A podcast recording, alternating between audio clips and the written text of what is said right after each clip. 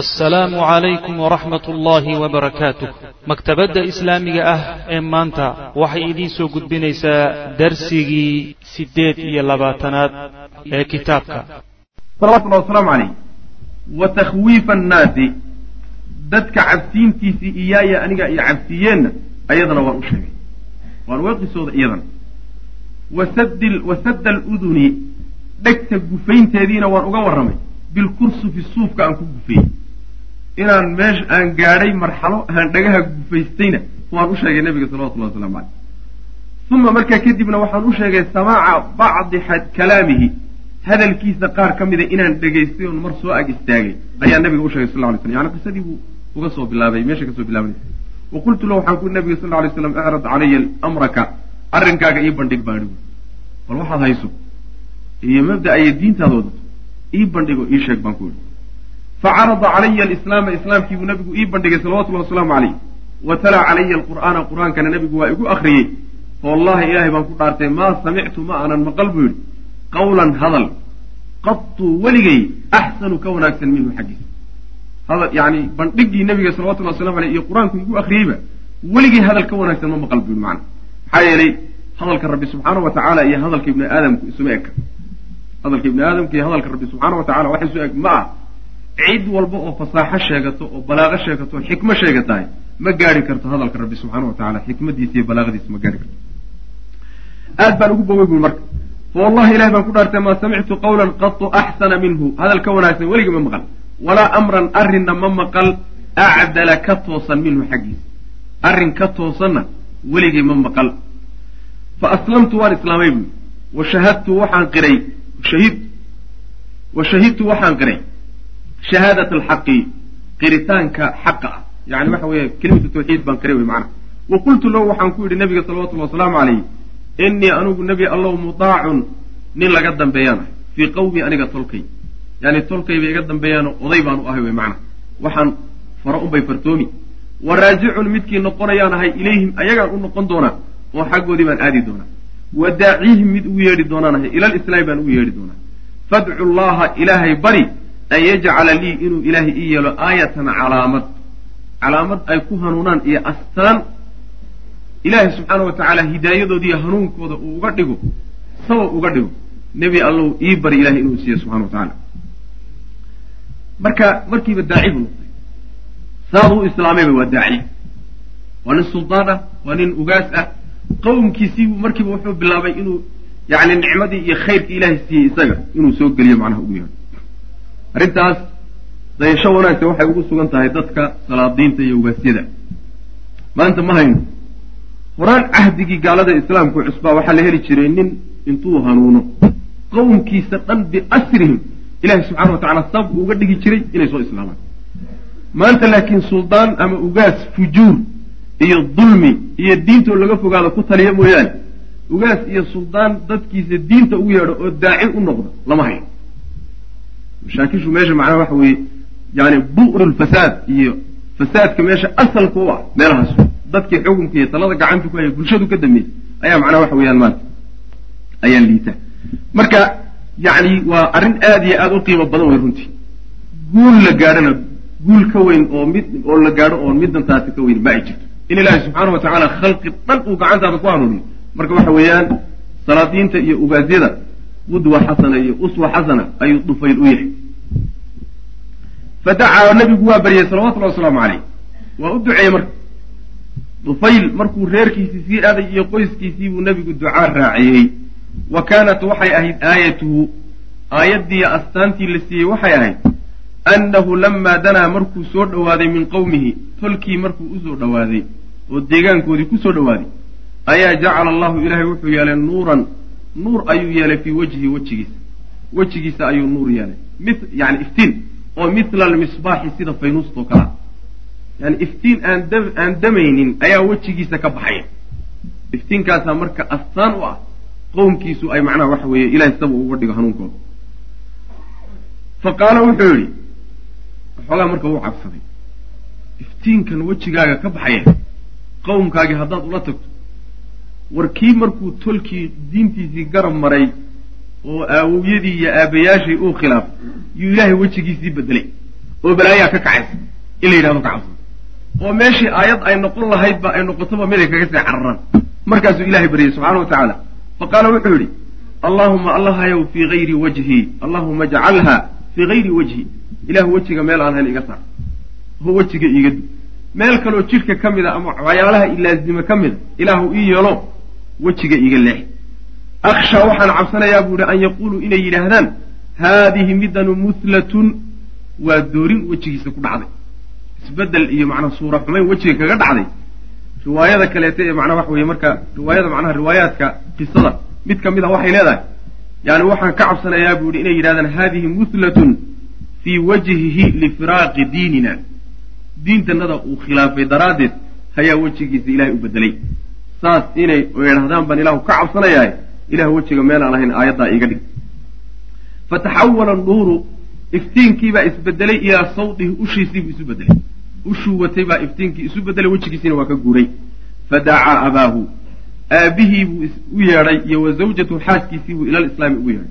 Fa aslama way islaameen. Wuu soo gaabay riwaayadu way soo gaabisee markuu qoomkiisa u tegey ayuu yidhi aabu waxba isuguma keen jiro islaantiisiina intuu tegay bui waxba isuma nihin ina kala oo maxaa dhacay diin baan wataa mabda' baan wataa haddaad soo gashaan alla aan isku dad noqono. Haddii kaleetana waxa weeyaan haadaa firaaqu baynii wa baynakum. Markaasay yidhahdeen war diintaad wadataa khayrkaa baanu kula gelaynaa hayna kala kaxayno. Sidii bay aabihii iyo islaantiisa ku soo islaameen. Nin marka aada mawqif adag bu ah ayib fadacaa abaahu wa zawjatu ila islaami faaslama way islaameen. Wa abda'a wuu daahay calayhi dushiisa waxaa ku daahay qawmuhu fi lislaami islaamnimadii bay ka daaheen qowmkiisa intiisii kalaa waxoogaa marka ku adkaadayo yani way ku madax adeygeen way ka madax adeygeen oo inay qaataan oo diinta ka qaataan bay waxoogaa yara diideen. Laakin lam yazal bihim ma uusan ka zuulin. Yani markay ku daaheen oo waxoogaa uu ku dhibaatoodo keri waay. Waana suldaankoodii ogow. Ayuu intuu soo tegey buu nebiga maka ugu yimi salawatullahi wasalaamu caleyh markaasuu yidhi nebi allow qoomkii waa kari la-ahay habaar ii habaar bu ilahay inuu baabi'iyo. Uusan xabad ka reebi maujeed yani qowmkaagi utur suldaan baad u ahayd oo waa dadkaad madaxaad u ahayd oo madaxnimadaa kaa tegi oo ninaad u talisa waayi yaad waayi waxaas asaatiirtaaso dhan baa maskaxdiisa ka baxay.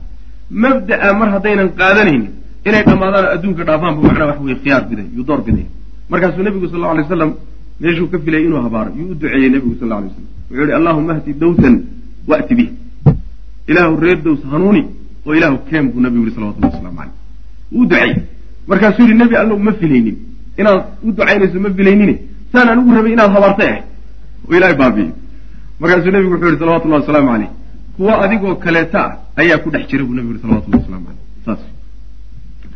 Marka xadiidka allahuma ati bihi mati dawsan. Yani allahuma ahdi dawsan wa'ti bihim. Saxiix albukhaari buu ku soo arooray. Imam albukhaari baa weriy wuxuu kutusayaana in gaalada loo ducayn karo. Laakiin loogu ducayn maayo ilaahu janno geli iyo naxariistii. Waxaa la odhanaya ilahu soo hanuun. Saas kutusaysa ayib laakin lam yazal ma uusan ka zuulin bihim ayaga ma uusan ka zuulin oo muusan intaa kaga hadhin dacwadooda iyo inuu diinta ugu yeedhayo muusan ka zuulin xataa haajara ilaa uu soo hijrooday bacda alkhandaq yacni markuu nebiga maka ugu yimi salawatullahi wasalaamu caleyh oo nebigu qowmkiisii u duceeyey ayuu markaa kadib laabtay qowmkiisii buu ku laabtay isagoo daaciya weliba nebigu wuxuu u dardaarmay salawatullahi wasalaamu caleyh wuxuu yihi dadka u dhimri xoogaa aad adaygu ka dareemay maarag u dhimri buu nebigu yihi salawatullahi waslamu caleyh u tartiibi markuu qoomkiisii dib ugu laabtay ayuu wuxuu la joogay ilaa nebigu uu soo hijroodo salawatullahi wasalaamu caleyh oo dagaalkii beder uu ka dhaco oo uxud ay dhacday oo axzaab khandaq ay dhacday. Markaa kadib buu nebiga u yimi salawatullahi wasalaamu caleyh isagoo reer dows oo aada u fara badan wata oo macnaha wax way soo islaamay. Abu hurayra ka mid ah dadka ayaga ee macnaha waxa weeyaan soo islaamay. Ilan dawsi waa isaga laftiisu yani ninkii xadiis u axaadiis badnaa saxaabada ridwan ullahi calayhim cilmiga nebigana salawatullahi wasalamu aleyh intiisa badan soo xambaaray dawsi buu ahaa laakiin lam yazal bihim xataa haajara bacda alkhandaqi. Yani baxda alcazaab waay. Yani taa kadib ilaa uu soo hijrooday. Wa macahu waxaa markaa la socday uu nebiga madiine ugu imaanayo sabcuuna aw hamaanuuna beytan toddobaatan ama siddeetan guri oo min qowmihi tolkii ka mid. Ma aha siddeetan ruux siddeetan qoys waay oo qoys walba intaasoo ruux ka kooban yahay dad badan way marka waqad ubliya waa la imtixaanay dufayl fi lislaami islaamka dhexdiisaa lagu imtixaanay. Bala'an imtixaan xasanan oo wanaagsan. Ubliya fulanun fi lxarbi baa la yidhahda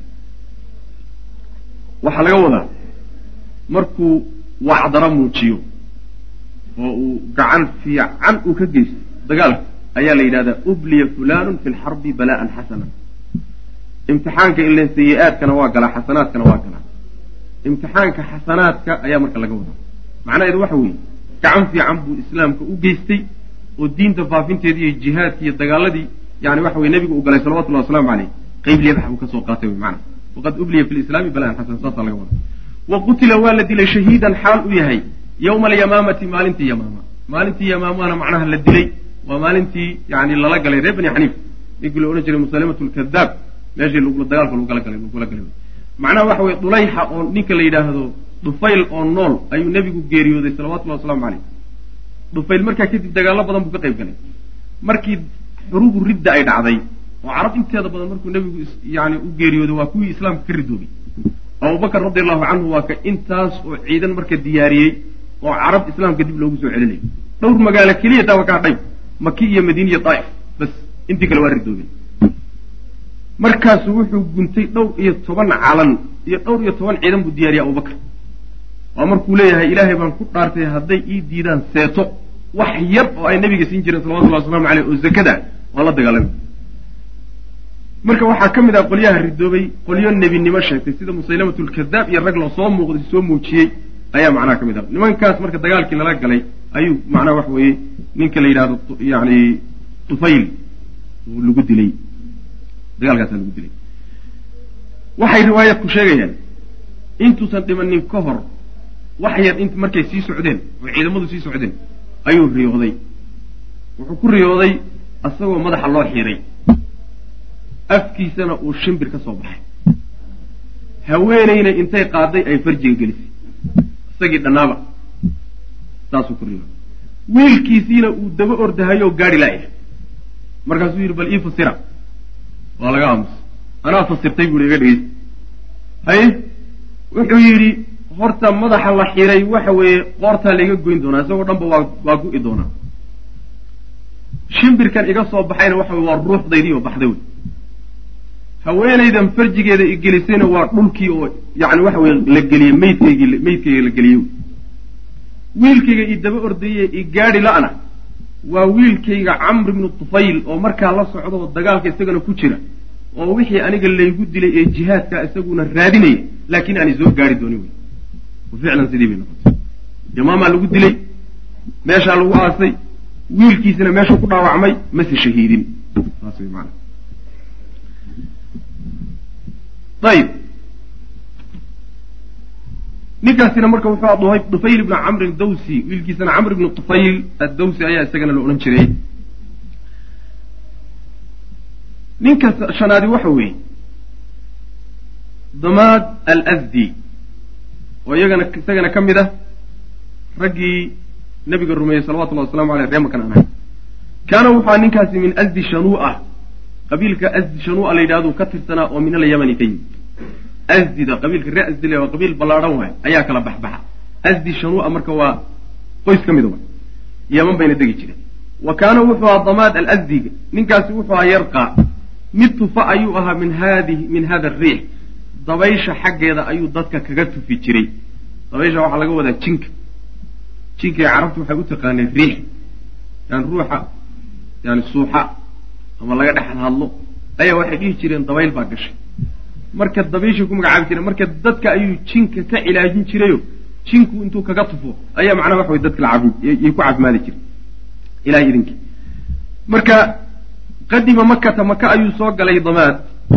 Fa samica wuxuu maqlay sufahaa'aha maka wax magaradkeedii ayuu maqlay. Makasteedii dadkan waxba garanayno caqlilaawayaasha ayuu maqlay maqlay oo yaquuluuna odhanaya ina muxammadan muxamed majnuunun waa waalaya jin baa ku dhacayo dabayl baa martay. Saas dadkoo ku sheekaysanahaya ayuu markuu maka yimid buu maqlay. Isaguna ilagu daaweeyaa cudurkaas.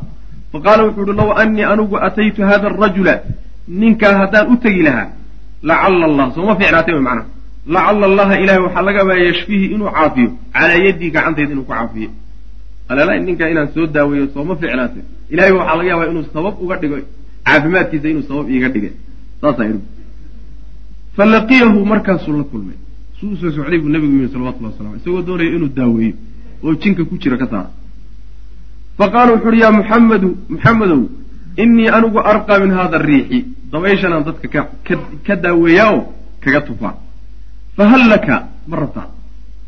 Ma ku daaweeyaa wey maanaa diyaar ma u tahay inaan ku daaweeyo.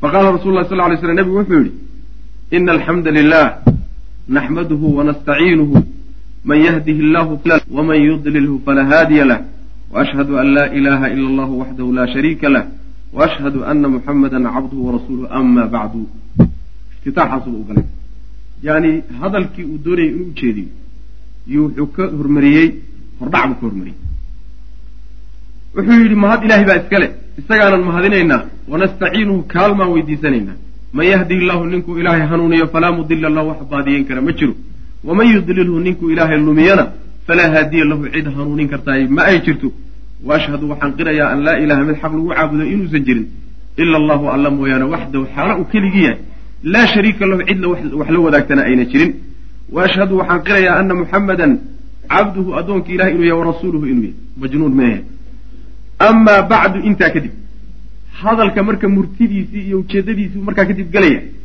ninkan waxaaba yaab geliyeyba hadalkan hore ee araarta ah ee nebigu hadalka ku furfurtay kaasuba ka dhammaan kari waayeba fa qaala markaasi wuxuu yidhi acid calaya kalimaataka haaulaa kalimaatika haaulaai. Bal weedhooyinkaagaas iyo ereyooyinkaad akriday iigu soo celi. Bal mar labaad dib iigu akri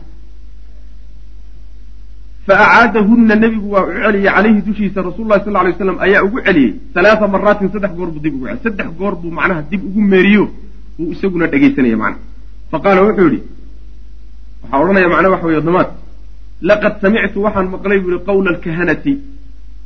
Nimanka macnaha waxa wey faaliya. Hadalkoodaan maqlay. Oon horay u dhegaystay waxbaan ka aqaana wa qawla asaxarati falanfallowyaasha kuwa wax falana ayagana hadalkooda waan dhegaystay.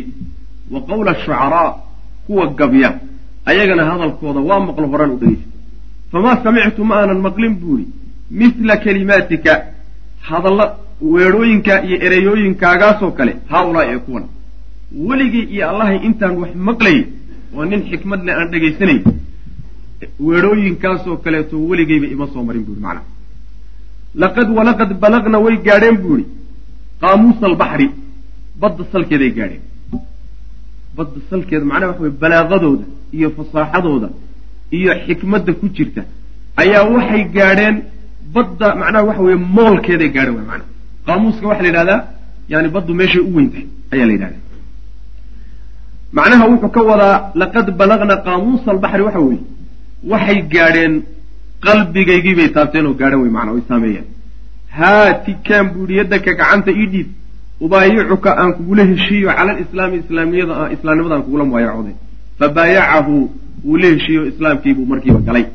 Waxaaba yani islaamnimadiisaba gelisayba ina alxamda lilahi naxmaduhu wanastaciinu iftitaaxi baaba islaamnimo geliyey saas wey ila nabiga salawatullahi wasalaamu caleyh wuxuu ahaa kaana afsaxu man nadaqa bidaad carab oo dhan buu ugu fasixsanaa salawatullahi waslamu caleyh waxyi rabbi iyo xikmad rabbaaniyana waa ku hadlayay nebigu salawatullahi waslamu aleyh saas wey ayaguna niman carabay ahayn oo saliiqiyiin ah oo luqada carabiga aan barbaranino aan loo meerinin sidanoo kale ku dhashay kuna barbaaray sidaas daradeed hadalkay kala yaqaaneen innaga laakiin in alxamdu lilah haddiina la yidhahdiy haddii wax u dhow iyo wax ka fogtoona laynoo sheegaa wuxuu inoo yahay qur'aan oo madmadoobe carabi un la sheeg inoo yahay saas laakiin dadku dad waxay ahaayeen hadalku u qiimaysanyo kelimo walba meel u taallay ahayd macna halkaas wuxuu ku islaamay isagana damaadin asdi isagana macnaha waxa weye halkaasuu ku islaamay shantaa nin ayuu marka inoo tiriyey oo macnaha ah raggii yani nabiga salawatullahi wasalaamu aleyh rumey ree makana aan ahayn.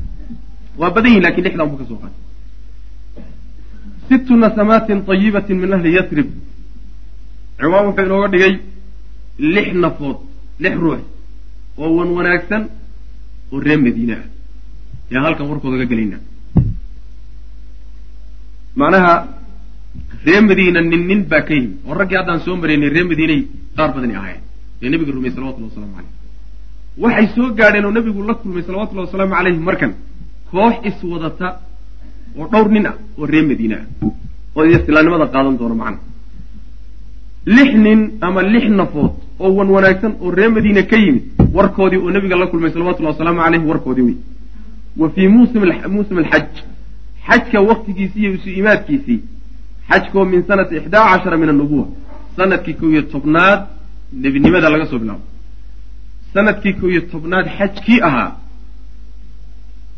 oo waafaqsan bisha yuulio sannadkii lix boqol iyo labaatankii milaadiga. Xilligaa isaga ayay wajadad waxay heshay addacwatu alislaamiya dacwada islaamka ayaa waxay heshay buduuran abuur ayay heshay saalixatan oo wanaagsan. Yacni waxay heshay abuur wanaagsan oo dhulka u galay. Abuur wanaagsan oo dhulka loogu beeray ayay heshay. Sarcaana maa taxawalat abuurkaasoo si deg dega isu rogay ilaa shajaraatin geedo isu rogay baasiqaatin oo laamo dheerdheer. Abuurkii dhulka la geliyey si deg dega wuxuu isu bedelayba yacni geed aada geedo waaweyno haddana laamo dheerdheer buu isu bedelay geedahaasoo ittaqa almuslimuuna muslimiintii ay ku dhowrsadeen oy ku ilaashadeen fii dilaalihaa geedaha hadhkeeda alwaarifati ee ballaadhan hadhkeedaa fiican ee macnaha ballaadhan ayaa waxay ku ilaashadeeno can lafaxaati dulmi dulmiga holociisii bay iskaga ilaaliyeen. Waduqyaani iyo xadgudubka holociisii dhiilata acwaamin sanado dheer ayay iskaga ilaaliyeen macnaha.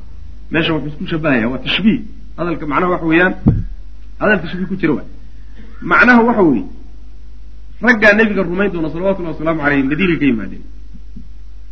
Rumayntaa ay rumeeyaani waxay ka dhigan tahay beer inta la qaaday abuur inta la qaaday dhulkii madiine la geliyey. Markiibana isu bedelay geeda waaweyn. Geedaha waaweyn hooskoodana muslimiintu ay ka hadhsadeen qoraxdii iyo holacii ka socday dulmiga iyo xadgudubka lagu samaynayo holociisii macnaha waxa weye ka hadhsadeen maxay tahay? Raggii lixdaa way tegi doonaan madiinay tegi doonaan. Madiine markay tagaan markaba waxay bilaabi doonaan inay dacwada geliyaan bulshadii meesha ay ugu tageen reer madiina.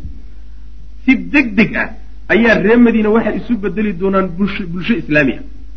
Oo geeddii lixda nin ahayd markaba waa weynaanaysaa. Geeddaa reer madiine ee weynaataiyo bulshadaas islaamka qaadatayna mustaqbalan nebigaa u soo hijroon doona salawatullahi waslamu caleyh mu'miniintii la dhibi jiray baa u soo carari doona. Waxaa lagaga dhowrsan doonaa oo ay gaashaan ka noqon doonaan dhibkii mu'miniinta ka haystay ree maka ayagaa difaaci doona macnaha ayagaana macnaha la harsan doona saasu macnaha waxa weye hadalku u dhacaya sarcana maa taxawalat si deg dega macnaha macnaha waxa weeye abuurkaasi isu bedelay ilaa shajaraatin baasiqaatin geeda dheer dheer oo ittaqa almuslimuuna muslimiintii ay ku gaashaanteen oo iskaga ilaaliyeen fii dilaaliha alwaarifa hadhkeeda ballaadhan ayay isku ilaaliyeen oy kaga dhowrsadeen oo kaga gaashaanteen can lafaxaati dulmi. Dulmiga holaciis iyo waduqyaani xadgudubka holacii kaga imaanayay dhilata acwaamin sanado dheer ayay macnaha iskaga ilaalinaya ilaa macnaa waxa weeye fatxu maka ka dhac oo islaamka ka xoogeysto islaamka iyagaa difaacaya iyo dadka muslimiinta macnaha nin alla ninkii la dulmo oo meel lagu dulmo oo muslimiinta ka midana ayagu u soo carara saas weya wa kaana waxaa ahaa min xikmatihi nabiga sal lay slam xikmaddiisa waxaa ka mid ahaa izaaa maa kaana yalqaa wuxuu la kulmayeyna ku aadan. Xikmaddii uu ku aadiyey wuxuu la kulmayey min ahli makata ree maka wuxuu kala kulmayey oo min atakdiibi beeninta iyo wasaddi can sabiili illah jidka ilaahay oy dadka ka hor istaagaan.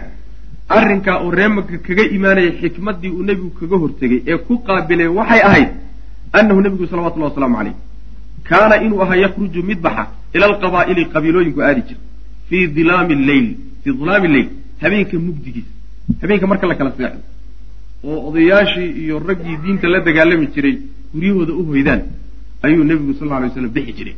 Markaasuu qabaa-isha aadi jiray nebigu salawatullahi waslamu caleyh xataa laa yaxuula muxuu habeennimada u baxayaa? Wuxuu u baxayaa xataa laa yaxuula si aan loo kala teedin baynahu wa baynahu. Xataa laa yaxuula si uusan u kala teedin oo uusan u kala celinin u kala dhex istaagin. Baynahu nebiga iyo wa baynahum yani dadkaa dhexdooda axadun ruuxna. Oo min ahli makkata ree maka ka mid. Almushrikiina ee gaalada. Dadka gaalada ee ree maka nin ka mida si uusan dacwadiisa uga hor istaagin oo isagiiyo qabaa-isha uu u socdo uusan u kala dhex gelin oo uusan u soo celinin daraaddeed buu habeennimada u bixi jiray nebigu salawatullahi waslamu caleyh yacni maalinnimadii haddii la arko loo dayn maayo jaanisna loo siin maayo macnaha. Uu dadka dacwada ku gaadhsiiyo saas daraaddeed habeenkii marka la kala socdo ayuu bixi jiray nebigu salawatullahi waslamu caleyh arrintaana wuxuu kaga hortegayey dhibkii kaga yimid. Waxay marka waxa wey waxay kutusaysaa yani dacwadu kolba dhibaatadii soo waajahda ama bulshada kaga timaada ama cadowgeeda kaga timaada taatiigii iyo tartiibkii ay kaga wareegi lahayd. Waa in loo fikero waay. Qorsho waa in loo dejiyo dhibkankaasa ku soo fool yeeshay ay kaga wareegato. Saasaa laga maarmaan. Kharaja waa baxay nabigu salawatullahi wasalaamu aleyh kadalika sidaasuu ku baxay. Qarsoodigaasuu ku baxay iyo mugdiga habeennimada leylatan habeen. Wa macahu isagoo nabiga la socda abu bakrin wa caliyun ay la socdaan fa mara nabigu wuxuu soo maray salawatullahi wasalaamu aleyh calaa manaazili duhlin wa shaybaan ibnu thaclaba. Labadaa qabiil meeshay deganaayeen buu nabigu soo maray salawatullahi waslamu aleyh wa kallamahum fi islaamkuna kala hadlay. Inay islaamaano diinta islamka ay qaataan. Waqad daarat waxaa dhex martay bayna abi bakrin iyo wa bayna rajulin min duhlin. Abubakar iyo nin reer duhli ah qabiilkii meesha deganaa nin ka mida iyo abubakar baa waxaa dhex martay as'ilatun su'aalaa dhex maray. Aqoon iswadaarti su'aalaa la isdhaafsaday su'aaluhu dabcan waxay ka socdaan xagga abubakar jawaabuna waxay ka socdaan ninka duhligaa xaggiisa su'aalo ayaa dhex maray iyo wa ruduudun jawaabo dariifatan oo wanaagsan dariifatun oo wanaagsan yani waxa weeye waxoogaa si degan ayaa su'aale iyo jawaabo wanaagsan laysu dhaafsaday abubakar waxaa isdhaafsanaya ninka duhligaa wa ajaaba way ku jawaabeen banu shaybaan oo qabiilkii kale isaguna meesha deganaa waxay ku jawaabeen biarja alajwibati jawaabaha kuwa loogu rajo fiican yaho ugu rajo fiican ayay ku jawaabeen. Macnaha way soo dhaweeyeen wey aada umayna fogeynin arrinku nebigu u bandhigay salawatullahi waslamu caleyh jawaab fiican bay bixiyeen. Laakiin mayna islaamin. Mayna islaamin mana aynan fogeynin dacwada nebiga salawatullahi waslamu caleyh hayra laakin anahum tawaqafuu way ka istaageen. Fii qabuuli islaami islaamka qaadashadiisa inay islaamka aqbalaan waxoogaa waa ka yara macnaha waxa weeyaan cagjiideen laakiin haddana mayna fogaanini waxoogaa way soo dhaweeyeen nabiga salawatullahi wasalaamu calayhi. Iyo islaamnimada u soo bandhigay uma markaa kadib mara wuu soo maray rasuululah sal ly sl nebigu wuxuu soo maray bicaqabati mina bicaqabata mina caqabati mina.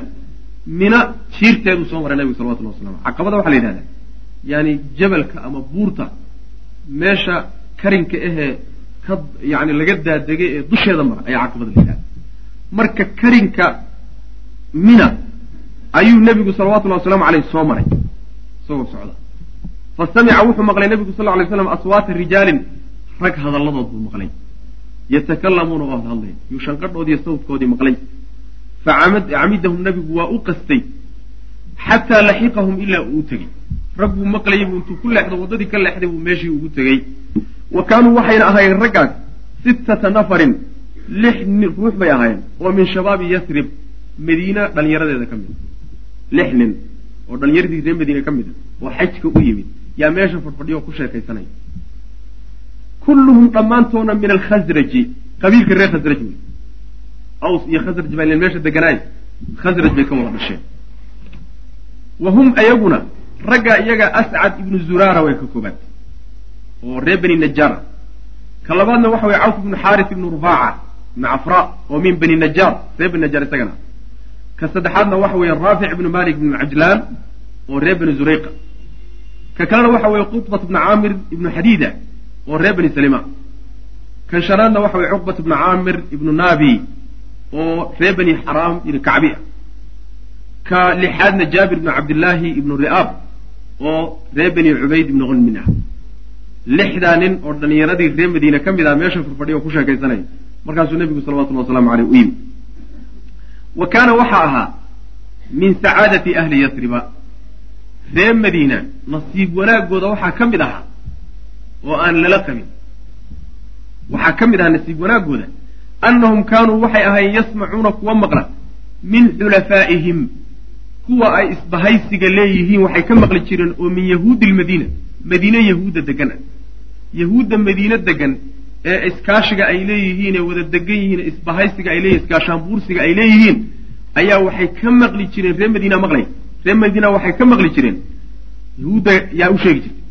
Ana nebiya nebi oo min alambiyaai nebiyada ka midii mabcuuthun inuu yahay mid la soo saari doono fi hada zamani waktigan in la soo saari doono. Ilan ayagu kitaab bay hayaan. Kitaabkii tawreedaa bay hayaan oo tilmaamo fara badan lagu bixiyey. Nebigana salawatullahi wasalamu aleyh tilmaamihiiso dhan ku yaalaan. Marka waktigii nebigaas kitaabka ku yaalay waktigiisiibaa hadda la jooga wuuna soo bixi doonaa bay ku dhoolin jireen sayakruju wuu soo bixi doonaa nebigaas. Fanatabicuhu markaasaanu raaci doonaa. Annagaa rumayn doona yahuud haddaanu nahay markaasaanu macnaha wax weye raaci doonaa. Wanaqtulukum markaasaanu idin layn doonaa ree madiinow. Macahu annagoo isaga la jirnoo la soconna qatla caadin wa iram. Layntii ree caad iyo ree iram ayaanu idin layn doonaa macnaha.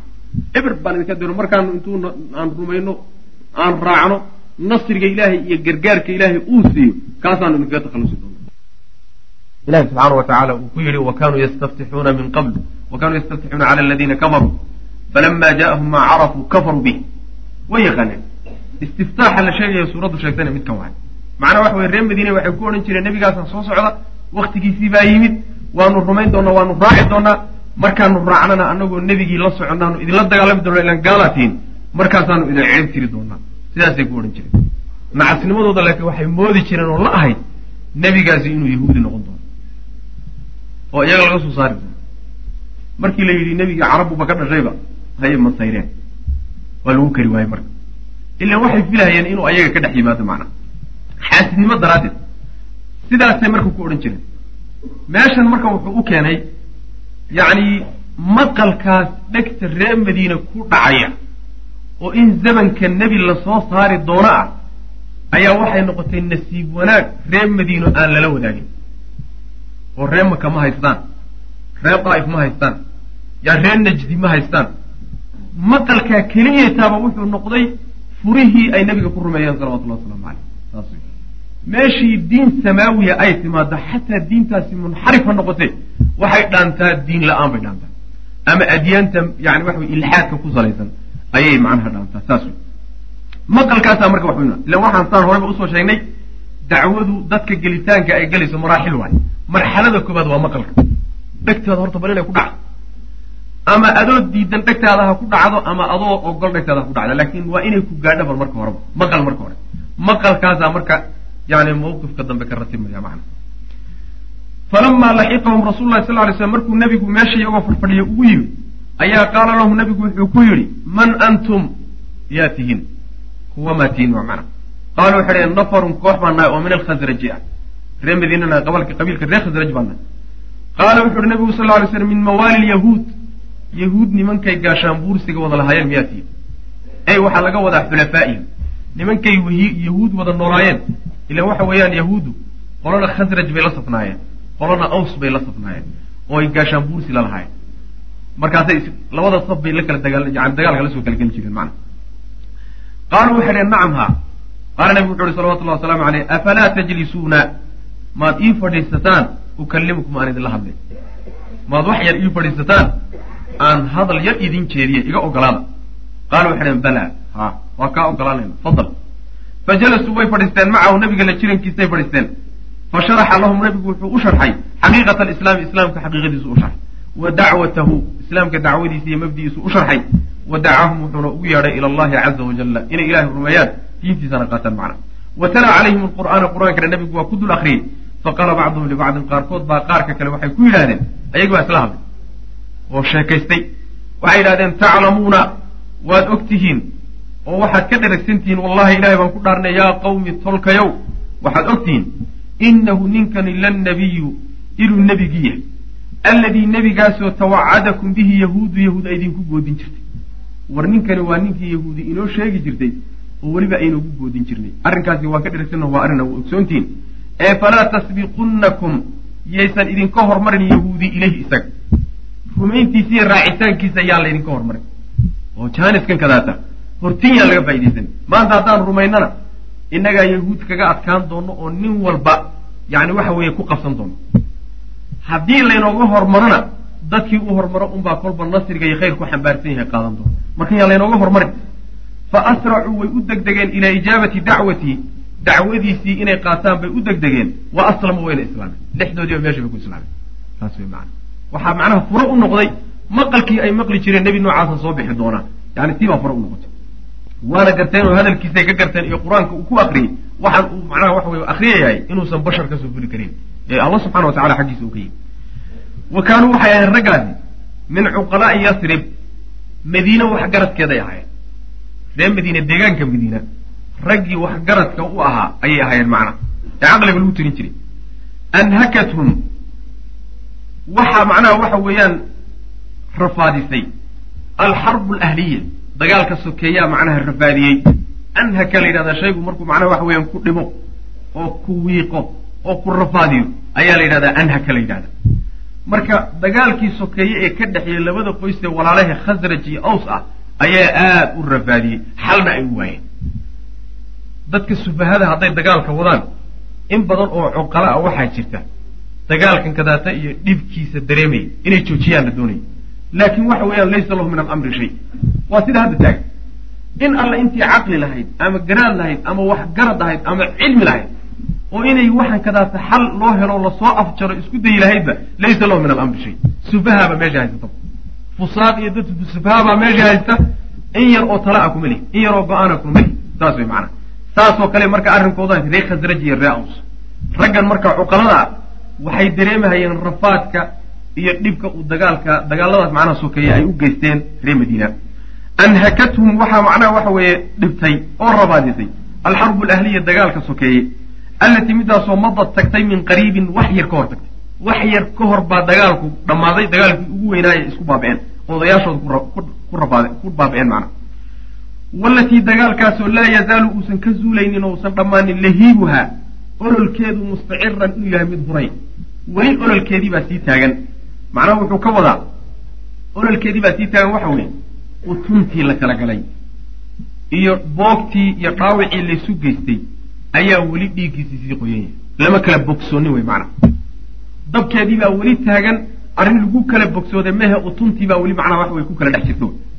Fa amaluu waxay yididiisheen oo raje ka gashay an takuuna inay ahaato dacwatu nebiga dacwadihisu salawatullhi wasalaamu caleyhi iyo islaamka u watahay sababan inay sabab u noqoto liwadci lxarbi dagaalka dhammaanshihiisa markiiba waxaa ku soo degdegtay war mushkiladii idin haysatay xalka aad u weydeen nebigani dacwadu wato amay xal u noqotaa oo labadii qabiil ee la heshiisiin kari waayey amay heshiis u noqotaa wa ficlan yididiiladoodiibuu rabbi subxaana wa tacala u hirgeliyey dagaal ree aws iyo khasraj ay iskaga hor yimaadaan maalintii baa ugu dambeysay. Waa gabagabowday walaalay noqdeen. Naf iyo maalba isu hura macna. Fa qaaluu waxay yidhahdeen inna anagu qad taraknaa waan ka nimid. Qawmanaa tolkanaan ka nimid nebigu walaa qawma dadna ma jiraan baynahum dhexdooda. Min alcadaawati cadaawadda iyo wa shari sharka maa baynahum waxa kuwan dhexdooda yaalla u yaallo. Yacni ma jiro dad kale oo la mid ah oo sharka iyo dhibka iyo rafaadka ay isku hayaan qowm kale oo iyagoo kale oo wada dhashay oo dhibkani dhex yaallaayo maba jiraba. Adduunka gooni bayba ka yihiin waa lagu yaqaana. Saasay yidhahdeen facasaa waxaa laga yaabaa an yajmacahum allahu ilaahay inuu kulmiyo bika adiga sababkaaga inuu ilahay isugu geeyo oo ay ku walaaloobaan baa laga yaabaa. Fanasanaqdumu calayhim waanu aadi doonaa oo waanu u tegi doonaa fanadcuuhum waxaan ugu yeedhi doonaa ilaa amrika. Arrinka aada noo soo bandhigtay islaamnimadaan ugu yeedhi doonaa wa nacridu calayhim waxaana dushooda u bandhigi doonaa alladii midka ajabnaaka ilayhi aan kaa yeelay oo min hada diini diinkan diinkan aan kaa yeelon kaa aqballayna waanu u bandhigi doonaa waanu u sheegi doonaa macana qisaskan kadaata waxay ka midaysan yihiin oo cibarka laga faa'idaysanaya ka mid ninku markuu islaamaba waa daaci bal cajaa'ibta jirta mar alla markuu islaamku uu soo galaba daaci wey waa inuu dhaqaaqo. Caqiidadu rumaysan yahay islaamnimadu galay waa inuu tun ka saarto. Haddii uu isagoo la jihaadayo soo islaamo waa inuu dagaalka dhinac ka galo. Sida ninkii u imaan jiray nabiga salawatullahi wasalaamu caleyh ilaahay o miyaan islaamaa? Mise waan dagaalamay oo dagaalka ka hormara? Nabigu wuxuu ku yuri salawatullahi waslamu aley aslim uma qaatil faqaatala faqutil islaam buu yihi marka hore shahaadada markaad qirta kadibna dagaalka gal. Wuu islaamay markiiba dagaalkii socday buu galay dagaalkii baa lagu dilay. Nabigu wuxuu yihi salawatullahi wasalaamu calayhi camila qaliilan wa ujira kaiiran in yar buu camal sameeyey waxaa laga yaabaa inaysan daqaa'iq xataa dhannayn intuu noolaa islaamnimo ku noolaa. Camal badan lama imaan haddana maca dalika ajri weyn baa la siiyey sideetan sano rag shaqaysanayo oo masaajidka safka hore fadhiya. Ayaan gaari karayn ninkaa isaga. Yani daqaa'iq noolaa islaamnimona ku noolaa saas marka yani dadkan intay sidii biyo yani geed biyo ku dhex ingegay islaamnimada ku dhasheen oo ku barbaareen oo weligood soo arki jireen intaa kula soo ekaaday haddana lagu kari la'yahay war mabdaan aan rumaysannahay intaan tunka saarno aan dadka gaadhsiino oo aan naf iyo maal u hurno waa cajaa'ib waay min haraa'ib alashyaa bay ka mid tahay dadkii ay daacadda ka ahaydna maalintuu soo islaamay ama daaci buu ahaa ama mujaahid buu ahaa saasay ahaan jireen ridwan ullahi caleyh marka wax badan baa wax badan baan daacadii naga ahayn ayib marka diinka aan kaa qaadanay baanu u bandhigi doonaa fa in yajmachum allahu calayka hadduu ilaahay dushaada ku ururiyo o isugu kaa yimaadaan oo labadii qabiilba intay heshiiyaan adiga ay ku noqdaan dadku raacsan falaa rajula nin ma jiro ninkaasu acazu minka acaza minka nin kaa cizi badan oo kaa xoog badnaan doona maba jiraba. Maxaa waa laba qoys oo dagaal lagu yaqaan. Dagaal lagu yaqaan. In dagaal lagu yaqaanana waxaa kutusaya maalintii beder oo imaan waynu oo tegi doona insha allahu tacala markuu nebigu salawatullahi wasalaamu caleyh waxoogaa dagaalka intaan la gelin iyo wuxuu sameeyey bal inuu mawqifka ansaar ogaado. Khasraji aws. Markaasaa intay istaageen ba waxay yidhahdeen nebi allow annagu rag dagaal yaqaanana horta. Dagaal sideedaba naloguma naloguma cabsiyo naloguma kuuqiyo haddaad tidhaahdo meesha ugu khatarsan iyo adduunka meesha ugu dhib badan gala waa gelaynaa. Saasay ku yidhahdeen. Yani dam bay ku yidhahdeen. Xaasil waxba ha walbahari ku dhaqaaji bay nebiga ku yidhahdeen salawatullah waslamu aleyh wa ficlan ayagaa gundhig waxay u noqdaan iyagoo qabiil walba ka cararay qabiil walba isagoo islaamka leeyahay maya maya annaga hanoo imaane. Waana la liqi haddaad noo timaadeen. Maya ma anagu kuma hayn karno. Ayagoo nin walba ka cararay ayay iyo awsiya khasraj waxay yidhahdeen annagaa tunka u ridanay. Bal balaayadii dhacaysaa dhacdo ragnimo intaa ka badan xagee ka imaan saas waa midda hadda la yahay bal yaa qoyska intuu islaamka tunka u rita yidhaah qoyska ree hebel ah ama qabiil hebel noogu yimaadaa la arki doonaa yani kee wey isweydiina yaa guusha ayadaa ku guulaysanaya suldaankii qaadi lahaa waa la rabaa loo hay saas weya nin walba hangool dheer bu iskaga qabani majeeda hangool dheer ayuu iskaga qaban balaayadan taata macnaa waxa wey maraykanna uu caydsanahay yani waxa weeye dawladihii o dhanna wada caydsanahayaan yaa lagula soo geli bisa odhanaya macana war khayr weyn wey ilahay baana subxana wa tacala wata. Walama rajaca markay laabteen haaulaai kuwani markay soo laabteen ila lmadiinati madiine markay u soo laabteen ragga iyaga ayay xamaluu ilayha madiine xaggeeda waxay u soo xambaareen risaalat alislaami. Islaamka risaaladiisii bay u soo qaadeen. Fariintii islaamka ayay soo gaarsiiyeen. Xataa lam yabqa ilaa aysan ka hadhin daarun guri oo min duuri lansaari ansaar guryaheeda ka mid a yacni qoysaskii ansaar guri ka mida ma jiro ilaa hadduu jiro wa fiiha waxaa gurigaa dhexdiisa ahaaday dikru rasuuli lahi sal lay slam nabiga sheegitaankiisa sheekada macnaha guryaha qabsatay ee qoysaska qabsatay ee shaarica qabsatay waxay noqotay nabiga sheekadiisa salawatullah waslamu caleyh nabigu ma soo jiroonin ogow ma imaanin weli muddaa ka laaban imaanshihiisa dacwadii baaba macnaha magaaladii gashay khayr baa ilahi la doonaya subxana wa tacala istidraadun taswiiju rasuli lahi sal lay slam bicaaisha saasuu ciwaan inooga dhigay istidraadka waxaa la yidhahdaa hadalkii lagu dhex jiray oo intaad ka baxdo hadal kale aad u baxdo. Istidraadka luqada carabiga saasa la yidhahda yani waxa weeye tanaqulun min mawduuci ila aakhar xoogaa waxaa la yidhahdaa ka bixid mawduucii aad ku jirtay intaad ka baxdo aad u baxdo mawduucii laga hadlaya meelaan ahay istadrada fulanun baa la yidhahdaa. Saasoo kale kuli macana meeshan marka wuxuu ka sheegayaa rasuulka sal lla alay waslam guursigii uu caaisho guursaday waa xaaskiisii saddexaad waay. Khadiija aan soo marnay sawda oon soo marnay oo sannadkii tobnaad ahayd iyo caaisha radi allahu canha oo sannadkii kuwii tobnaad oo hadda macna wax wey inoo sheegaya. Wa fi shuwaal bishii shuwaal min hadihi sanati sanadaas macnaha waxa weeye ka mid a sanata ixda cashar min anubuwa laga wadaa sannadkii kow iyo tobnaad bishii shawaal ayaa tazawaja rasul lah sal ly sl nebigu wuxuu guursaday caaishata sidiiqa radia allahu canha. Caaishadii yani waxa weeyaan runta badnayd aabeed baa sidiiqa iyaduna sidiiqo waay. Wa hiya iyaduna bintu sitti siniina iyadoo lix jir ah. Iyadoo lix jira buu nabigu guursaday salawatullah waslamu caleyh gabdhaha yarkaa in la meherin karay kutus gabdhaha yarkan qaan gaadhin waa la meherin karaa. Aabahood baa meherin karaa. Saasaa la leeyahy haddii la meheriye laakiin hadhow markay qaan gaadhaan oo aqalgal gaadhaan yay khiyaar leeyihiin haddii aabbahood ay guurkuu guuriyey ogolaadaan wabilahi tawfiiq waay. Saasaa lagu aqalgeli hadday diidaanna guurkii aaba guuriya waxba kama jiro. Saas wey xukunkaa isaga waa in la gato. Gabdho la qasbi karo ma jiro. Nabigeena salawatullahi waslamu aleyh gabadh baa u timid. Aabbahay wuu i guuriyey. Nin wiil aanan doonaynin buuna ii guuriyey oo ilmaadeernahay maxaan sameeyaa? Wuxuu yidhi khiyaar buu nabigu siiyey salawatullah waslamu aleyh markaasaa waxay tidhi aabbahay wiilku ii guuriyey waa ogolaaday waxaan se doonayay bay tidhi oon hadalka uga gun lahaa waxaan doonayay ragga inaan dareensiiyo inaysan haweenka sudhi iyo awood ku lahayn. Ayna qasbi karayn saasaan bay tii ficlan saas waay marka yani iyadoo lix jira ayaa nabigu guursaday salawatullahi wasalaamu caleyh oo loo meheriyey wa banaa biha wuuna dhistay nabigu sal lay slam oo uu la aqalgalay bilmadiinati madiinuu kula aqalgalay fi shuwaal bishii shuwaal fi sanati luulaa sannadkii ugu horreyay oo min alhijrati ah wahiya bintu tisci siniin ayadoo sagaal jir. Ah yani saddex sano kadibba waa lala aqalgalay yani waxaa jira gabdhaha qaar horayba macnaha u qaangaadha marka waxa weye sagaal jirba waa ku qaangaadhay taqriiban sideed iyo toban jir iyadoona nabigu waa ka geeriyooday salawatullah waslamu caleyh sideed iyo toban jir iyadoo ana wuu ka geeriyooday. Sideed toban jir iyadoo lagaga geeriyooday. Ayay haddana nabiga gadaashiisa waxay sii nooleed muddo dhan bay sii nooleed. Haddana maca dalika mayna guursanin. Radia allahu canha wa marka waxay ahayd haweenka nebiga salawatullahi wasalaamu aleyh tuu ugu jecel yahay bay ahayd. Bal haweenkao dhan ragga nebiga salawatullahi wasalaamu aleyh axabu rijaali ilaya abu bakrin wa axabu nisaai ilaya bintuhu.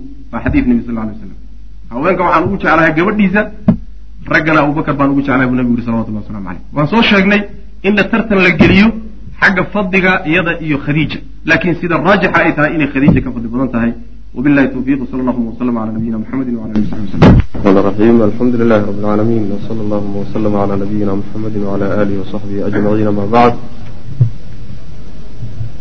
yqul mualifu xafidh llahu tacaala alisraa walmicraaj hada maxaluhmaa wamubaxahumaa waa isrihii iyo micraajkii meeshii lagaga hadlay wey israaga waxaa la yidhahdaa guuraha habeenkiya baa la yidhahda socodka habeenkiya ayaa la yidhahdaa.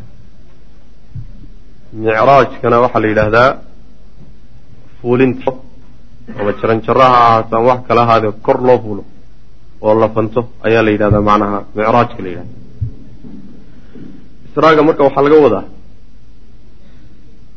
socdaalkii nebiga salawatullahi wasalaamu calayhi laga qaaday maka ilaa bayt ilmaqdis la geeyey.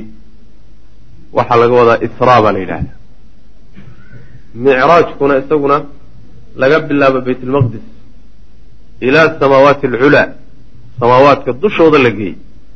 Taasna micraaj baa la yidhahda oo marka kor lala aadayna micraaj weeye markankaasa maka laga sii qaaday bayt ilmaqdis la geeyeyna waxa weeyaan israa wey macnaha. Habeenimay dhacday oo guuray socdaalkaasi guuro ayuu ah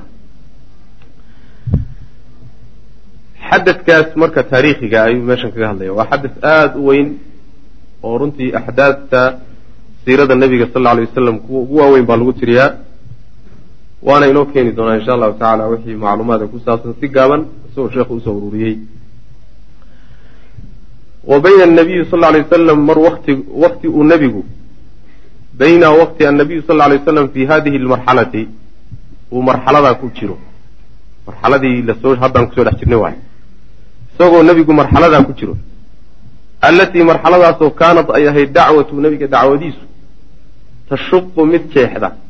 Fiiha marxalada dhexeeda waxay jeexaysay dariiqan jid ayay jeexanaysay jidkaasoo bayna annajaaxi waalidihaad u dhexeeya guul inay guulaysato iyo cadaadis.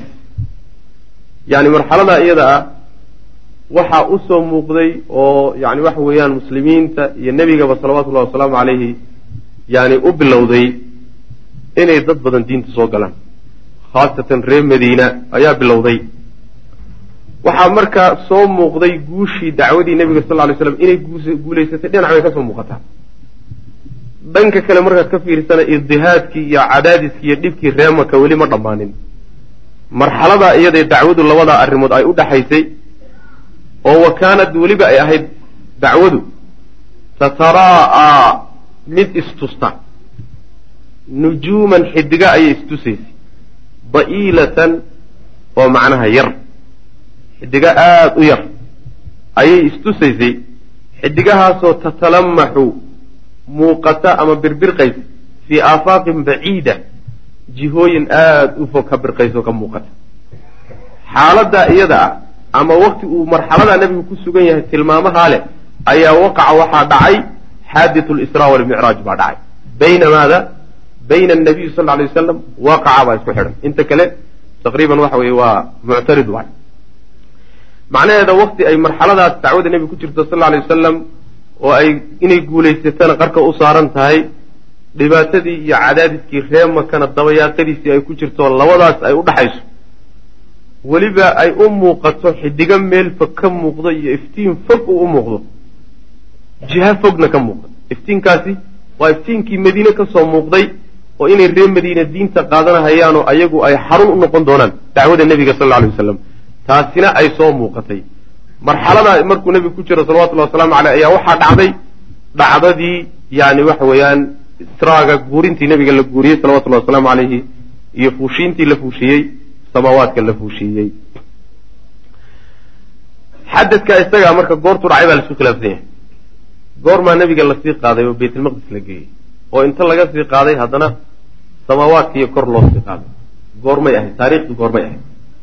waa laysku khilaafsan yahay ilaa lix qowl ayuu sheekhu geliyey. aqwaal intaa ka fara badanna waa jiraan. wakhtulifa waxaa laysku khilaafay buu ihi fii tacyiini zamanihi. dhacdadaa iyadaa waktigay dhacday baa laysku khilaafay in la xadiideeda calaa aqwaalin shatta qowlal kala gegedisan baa laysugu khilaafay faqiila waxaa la yidhi waa qowlka koobaade kaana alisraa guurintu waxay nebiga la guuriyey fi sanati alatii akramahu llah sannadkii ilaahay uu ku sharfo ku maamuusay. Fiihaa sanada dhexeeda binubuwati nebinimada uu ku maamuusay. Sanadkii nebiga laga dhigay oo nebinimada loo doortay sanadkaas ayayba dhacdayba. Ikhtaarahu waxaana doortay ra'yiga isaga aabari imaamu abari ayaa doortay. Imaamu abari waana mufasir haddana maca dalika waa muarikh yani aimada siirada ayuu ka mid yahay iyo taariikhda. Marka sidaasuu doortay yani sannadkii nubuwada ayay israaguna dhacay ee ugu horreeyey qawlkaasi waa mid. Wa qiila waxaa la yidhi waa qowlka labaad. Kaana wuxuu ahaa israagu bacda almabcati soo saaridda nebiga nebinimada loo soo saaray. Gadaasheeda ayay ahayd bikhamsi siniina shan sano. Markii nebinimada loo doortay shan sanuu ka dambeeyey israa iyo micraaj shan sano kadib buu dhacay. Rajaxa dalika arrinkaana waxaa xoojiyey qowlkaas. Alimaamu annawowi waalqurtubi labadaa imaam ayaa iyaguna ra'yigaa doortay. Wa qiila waxaa la yidhi waa qowlka saddexaad. Kaana wuxuu ahaa israagu leylata asaabici waalcishriin habeenka toddoba iyo labaatanaad oo min shahri rajab bisha rajab ka mid a sanata cashri min annubuwan ah sannadkii tobnaad ee nebinimada. Yani waa hijrada agteed waa soo dhawaatay wakhtaarahu waxaa doortay ra'yiga isagana alcalaamatu lmansuur furi raxmatun lilcaalamiina ninkii iska lahaa wey marka isaguna ra'yigaasuu doortay. Inuu bishii rajab ahaa sannadkii tobnaad. Qowlka afraadi waxa wey waqiila waxaa la yidhi qabla alhijrati hijrada nebiga sal lay slam ka hor bisittati cashara bisittati cashara bisittata cashara shahran yani lix iyo toban bilood ayaa waxay ka horreysay hijrada nebiga salawatullahi waslamu caleyh yani nubuwadii ka soo tagtay hijrada nebigu markay dhacaysay ilan saddex iyo toban sano madiine maka joogay sanadka uu hijroonahayy lix iyo toban bilood ka hor ayay macnaha xaadisadaasi dhacday. Dhacdadaas waqtigaasi ku aadantay. Ayib waxay marka ku aadan tahay ay fii ramadaana bishii ramadaan bay marka ku aadan tahay marka si la xadido sanata itnaa cashara min min annubuwa sannadkii labiyo tobnaad ee nebinimadayna ku aadan tahay macna sannadkii labiyo tobnaad nebiyadiisa marka laga soo bilaabo bishii ramadaan. Qowlka shanaadi waxa weye waqiila waxaa la yidhi qabla alhijrati hijrada nebiga ka hor bisanatin wa shahrayn. Sanad iyo laba bilood. Ay waxaa markaa ku aadan tahay fi lmuxarami bisha muxaram sanata talaata cashara min annubuwa sannadkii saddex-iyo tobnaad nebinimada nebiga marka laga soo bilaabo sannadkii saddex-iyo tobnaad bishii ugu horreysay ee muxaram taasay macnaha waxa weye qowlkaasina uu leeyahy wa qiila waxaa la yidhi qabla alhijrati bisana waa qowlka lixaad wey waxaa qowlkaasina uu leeyahay hijrada nebiga ka hor hal sano intuusan nebigu hijroonin sanad ka hor ayay dhacday. Ay waxaa laga wadaa marka ay ku aadan tahay fi rabiici alawal sanata talaata cashar sannadkii yani saddexiyo tobnaad rabiicu lawal taasay macnaha ku aadan tahay. Oo min anubuwati marka macnaha nebinimada laga soo bilaabo kaana zuhri iyo xarbi iyo qolyo noocaasa qaba marka aqwaal ilaa lixa ka badan. Haddaad kutubta siirada dib ugu noqoto. Aqwaal intaa ka fara badan baa la sheegaya macnaha nin walba waxbuu isu geygeynahayaa oo qaraa-in buu isku uruurinahayaa oo saasuu marka qowl ugu rajaxmaya wax nasana looma hayo. Waa cadaynaya macnaha waxa weeyaan. Taariikhda ay dhacday. Wa ruddat waxaa la radiyey oo la diiday. Alaqwaalu halaathatu saddexda qowl aluwalu ee hore. Saddexda qowl ee ugu horreeya waa la diidey waxaa lagu diidey biana khadiijata radia allahu canha khadiija tuwufiyat waa la oobsaday fii ramadaana ayaa la oobsaday sanata cashrin min annubuwa sannadkii tobnaad bishii ramadaan ayaa waxaa geeriyootay khadiija xaaskii nabiga sal lay slam wa kaanat wafaatuha geerideeduna waxay ku aadan tahay oy ahayd qabla an tufrada asalawaatu alkhams shanta salaadood intaan la waajibinin bay ahayd walaa khilaafa khilaafna kuma jiro oo layskuma diidanaa ana farda salawaati alkhams shanta salaadood waajibintoodu kaanad inay ahayd leylat alisraa inay ahayd. Yani marka saddexda qowle horeba waxay ka dhigayaan in ay soo gaadhay khadiija radi allahu canha waa qowlka odhanaya yani sannadkii nebiga la soo saaray bictadiisa ah bicsada shan sano kadib. Bicsada yani waxa weeyaan sanadkeedii tobnaad saddexdaa qowlba waxaa diidaya khadiija may aynan soo gaadhin salaada fardinteeda iyo waajibinteeda maynan soo gaadhin. Waxayna dhimatay sannadkii tobnaad. Salaadana goormaa la waajibiyey israa iyo micraajkaa lagu waajibiyey. Israa iyo micraajku marka hadday geerida khadiija ka hor dhici lahaayeen macnaha khadiija way ogaan lahayd way soo gaadhi lahayd. Inaysan soo gaadhinna waa wax laysla ogolyahy mar haddayna soo gaadhin macnaheedu waxa weeyaan inay sannadkii tobnaad iyo wixii ka dambeeya un ay ku aadan tahay wey macnaha. Khadiijo geerideedii kadib inay ku aadan tahay taa lafteedu musallam ma ah. Culimo qaar baa ka doodayo salaada waajibinteedu kama bilaabanin israa iyo micraaj way ka horreysay. Saas macnaha wax wey culimada qaar baa uga dooday. Ama alaqwaalu halaathatu lbaaqiya saddexda qowlee soo hadhay saddexdaa hore marka saa lagu radiyo saddexda kale ka soo hadhay wuxuu sheekhu leeyahay falam ajid ma aanan helin maa urajixu waxaanan ku xoojiyo bihi isaga waaxidan mid oo minha iyaga ka mid. Saddexdaa qowl waxaan ku kala xoojiyo ma aanan helin oon ku kala rajaxo. Macnaa waxa wey waa ii sinaadeen xagga adiladooda markaan fiiriyo. Waan kale macnaha waxa weye xoojin kari waayey. Hayra laakin ana siyaaqa siira suurati lisra suuratu lisraa oo xadadka isagaa ka sheekaysa. Subxaana aladii asraa bicabdihi leyla min almasjid alxaraami ila almasjid alaqsa aladii baarakna xawlahu suuraddaa iyada ah marka aada akhrido oo aad macnaheeda tadaburto qaabka ay u soqoto ee ay u hadlaysahay siyaaqeedaas iyo dullu wuxuu ku tusayaa calaa ana alisraa isrihii iyo guurintii nebiga la guuriyey muta'ahirun inuu yahay mid dambeeyey jiddan aada u dambeeyey. Yani arrimahay ka warramaysay inuu dambeeyey buu ku tusayaa saas weya macnaha ayib marka almuhim warka isku soo duduube waktiga uu dhacay xaadisadii nebiga sala allau alay wasalam qaadidiisii iyo guurintiisii wakti ay dhacday bitaxdiid looma yaqaano. Khilaafkaas aada u ballaaran baa ku jira. Nin boqolku doona ha rajaco taasi waxay meesha ka saaraysaa dadka ixtifaalka sameeyey ama isu imaadka sameeyey leylat lisraa walmicraaj habeenay ku magacaabeen oo rajab ka mid.